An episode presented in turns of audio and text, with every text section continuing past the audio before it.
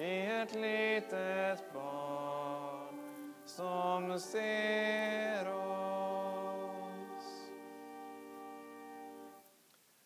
Upplyft era hjärtan till Gud och hör dagens heliga evangelium från Lukas evangeliets andra kapitel.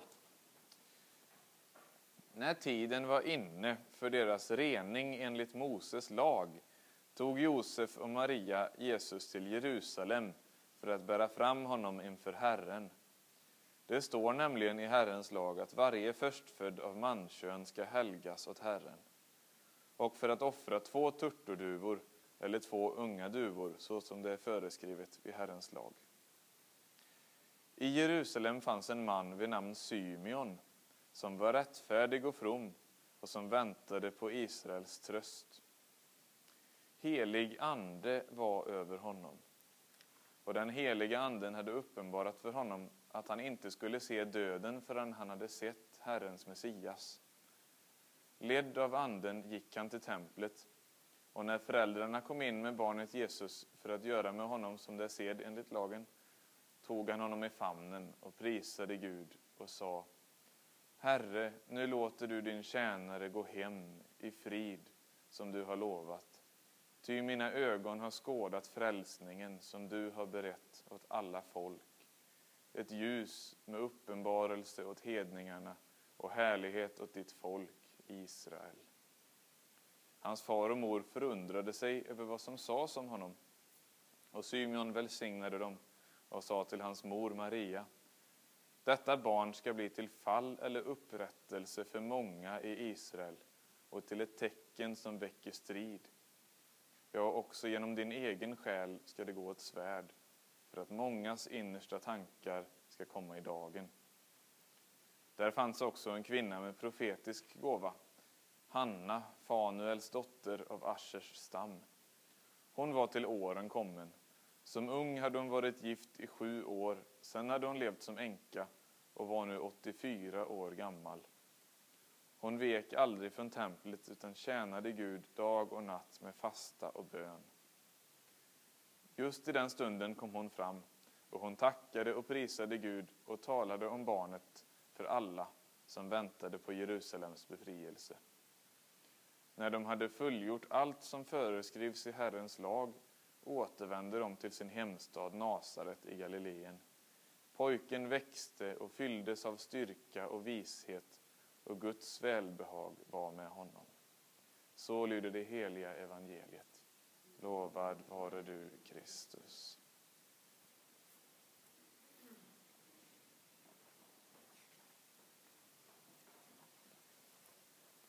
Ljuset lyser i mörkret och mörkret har inte övervunnit det, skriver Johannes. Franciscus, han är inte påven alltså, utan den gamle Franciscus, han sa att allt mörker i hela världen eh, räcker inte för att släcka ett enda ljus. Eh, och ljuset det tänds i de här gamla människornas ögon när de får se, in, se det lilla barnet, se Jesusbarnet. Eh, Josef och Maria de går till, till Jerusalem som seden var, man skulle göra det. Och, och eh, de skulle också offra där för att tacka för barnet de hade fått. Och det, man kan i förbigående säga att det här tyder på att de inte är någon speciellt rik familj, för de offrade liksom eh, budgetvarianten. Här. Var, man kunde offra ett får, men de offrade eh, två duvor istället. Det, var, det kunde man få göra istället om man inte hade råd. Så att de hade kanske inte så, så mycket ekonomi där, eh, den lilla familjen. Och i templet, när de kommer dit så möter de eh, de gamla där. Eh, det står vackert uttryckt att eh, Symeon och Hanna de var gamla och de kanske inte orkade så mycket men de tjänade Gud dag och natt i templet med bön och fasta. Be det kan alla göra. Eh, det är nästan aldrig så att man inte kan göra någonting för, för andra, även om man är aldrig så skröplig. Eh, och det, när de får se barnet så lyser, lyser ögonen upp på de här gamla. Ehm, så är det ju ofta med, med gamla människor när, man får, får, när de kommer nära barn, har jag märkt. Eh, att då lyser, de, lyser man gärna upp med blicken och eh, så är det förstås om man träffar sina barnbarn eller så kanske. Då kan man nästan bli lite, lite rörd tror jag. Eh, och väldigt glad och, och lite känslosam och så. Så vill man gärna ta i, ta i, i små barn och så. För att man, eh, ja, man kanske har blivit klokare med åren. Det står att de hade ögon som gjorde att de kunde känna igen vem Jesusbarnet var. Man kanske får klokare ögon med tiden för vad som är viktigt på riktigt i livet. Man kanske, kanske har med vishet att göra också. Eh, eller för att barnen på något sätt är, de, kommer ju, de hör ju framtiden till. Det, det har med hoppet att göra, att det finns en, en framtid som, eh, som eh, kommer efter oss. Allt det där händer ju så fort man möter ett barn, men det är något speciellt förstås med just det här barnet.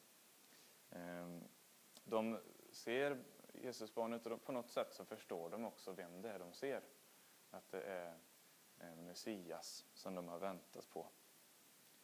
Ehm, ljuset bär oss, Gud är nära, i ett litet barn som ser oss.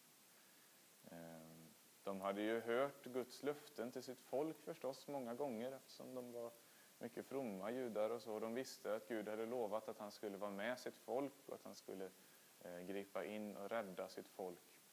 Eh, sen så går ju vardagen framåt och det kanske kan vara ganska mörkt och, och svårt att leva många gånger. Det kan vara svårt att, eh, att, att verkligen fortsätta hålla det vid liv, ett sånt hopp och fortsätta tro på det.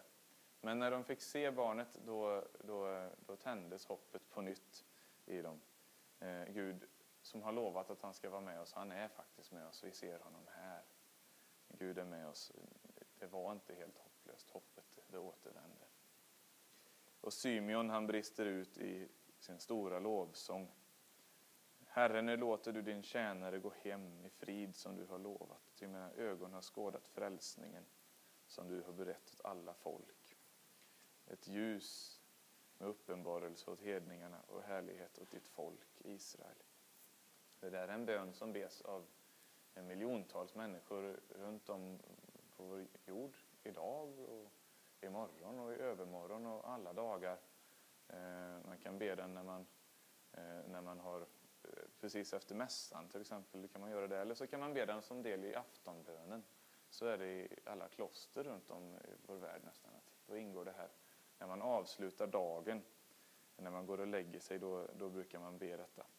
Eh, för att be att Herre, jag, jag vilar ändå tryggt i dina händer. Jag, eh, även idag har jag fått bli påmind lite grann om, att, om vad du har gjort för mig. Att du trots allt fortfarande är verksam och bygger upp det som är trasigt.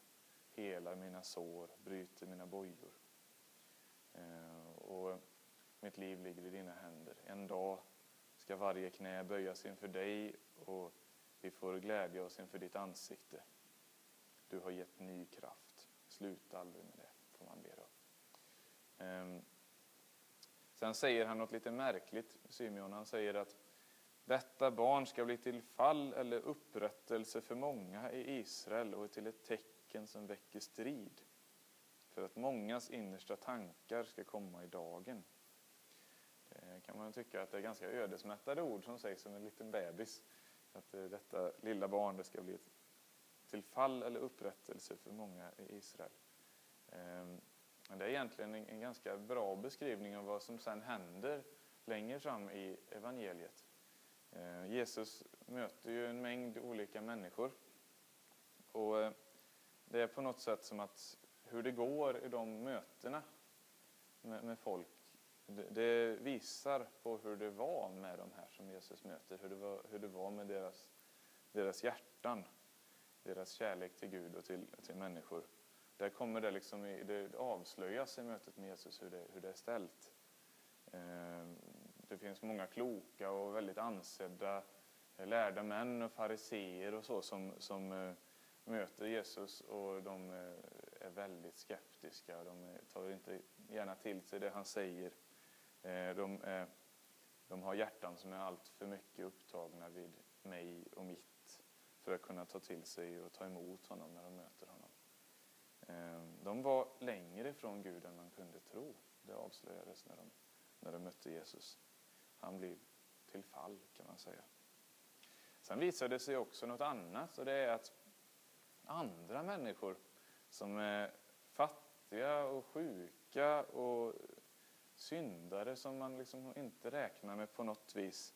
Eh, de däremot, de tar emot Jesus med öppna armar. De, de eh, bär på någon hemlig längtan efter honom och de tar emot honom när de möter honom. Eh, de var istället närmare Gud än någon kunde tro vid första anblicken. Mötet med Jesus det blir till upprättelse.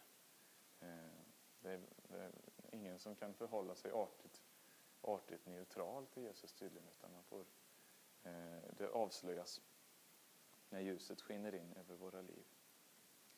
Ehm, ljus och hopp eh, hör mycket ihop, som sagt. Ehm, man har ljus, ljus blick, då ser man ljust på till, man kan se ljust på tillvaron kan man göra. Då är man hoppfull och så. Eller så, om det är hopplöst, så ser man mörkt på, på livet och så. Eh, mörker och ljus, det är liksom bildspråk för, för hopp och, och misströstan.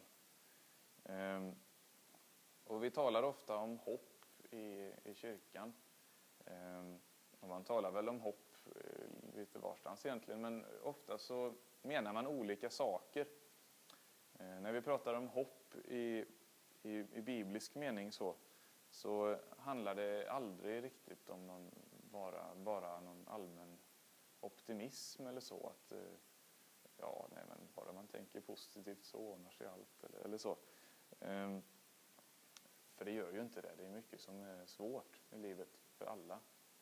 Ehm, däremot så handlar det bibliska hoppet om att trots allt så ligger våra liv i Guds händer.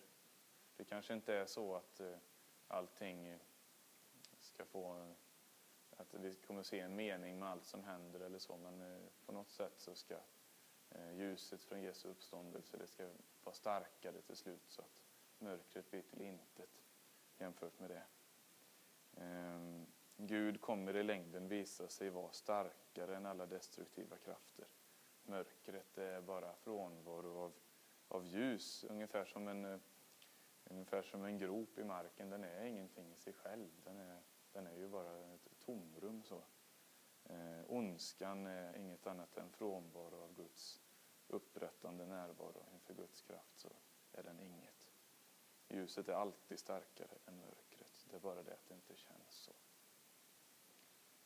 Eh, förr var det så, eh, kanske är så fortfarande, att mm, eh, om man såg en pjäs så, så kunde den ju vara antingen komedi eller tragedi.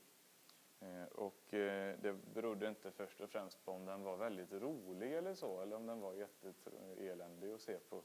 Eh, utan det berodde mest på hur slutet var. Om den slutade lyckligt så var det en komedi, slutade den olyckligt så var det en, en tragedi. Ungefär som i en, en saga, de kan innehålla nog så mycket elände och svårigheter som sagornas huvudpersoner måste möta Eh, men så vet man ändå att det slutar lyckligt, slutet gott, allting gott. Och det här lyckliga slutet, det kastar liksom eh, ljus över allt det som har varit förut också. Det mörka som har varit, det, det blir lättare att eh, ta då. Man kan tänka på Symeon och Hanna på det sättet, på, på, på deras liv. Vi vet inte så mycket om dem, men vi vet ju bara att de var gamla när när de fick eh, träffa det lilla barnet Jesus. Men man kan ju misstänka att det var som, som allas liv är, att det fanns liksom både och. Det finns det som är lätt och roligt och så finns det det som är svårt och tungt. Ehm, eh, och de var ju gamla får vi veta och då får man ju räkna med att eh, de förmodligen led av en del krämpor och hade varit med om en del förluster som var svåra innan de, innan de nådde fram dit. Ehm, men så får de möta det lilla Jesusbarnet och de får eh, en förnyat hopp att eh, det finns, det, det finns en famn som väntar eh, vid slutet. Det är inte bara ingenting. Gud håller oss i sina händer. Nu kan jag möta döden, säger Symeon. När slutet gott så är allting gott. Under vägens gång så får vi tända ljus efter bästa förmåga. Vi får försöka att eh, själva ta till oss eh, ljuset från, från Gud. Vi behöver påminna oss om, eh, om detta, Guds löften till oss. Det behöver vi göra på många sätt.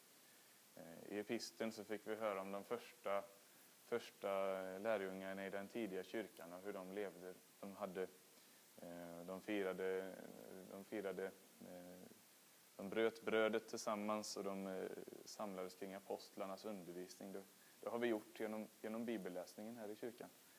Eh, och de hjälpte varandra, stod det, och så bad de. De hjälptes åt att hålla hoppet uppe. Man skulle på ett sätt kunna säga att kyrkan är lite grann av ett väntrum. I värsta fall känns det så när man sitter och lyssnar på predikningar. Men också i, i någon sorts andlig mening. Vi sitter här och, och väntar på framtiden som en dag ska komma. Sen får vi försöka att, eh, att eh, göra livet ljust för varandra på vägen dit med Guds hjälp. Ehm, så får vi påminna oss om Guds löften. Han har lovat att vara med oss alla dagar till tidens slut. Vi får ställa oss upp och också påminna oss om vårt hopp genom att stämma in i kyrkans trosbekännelse.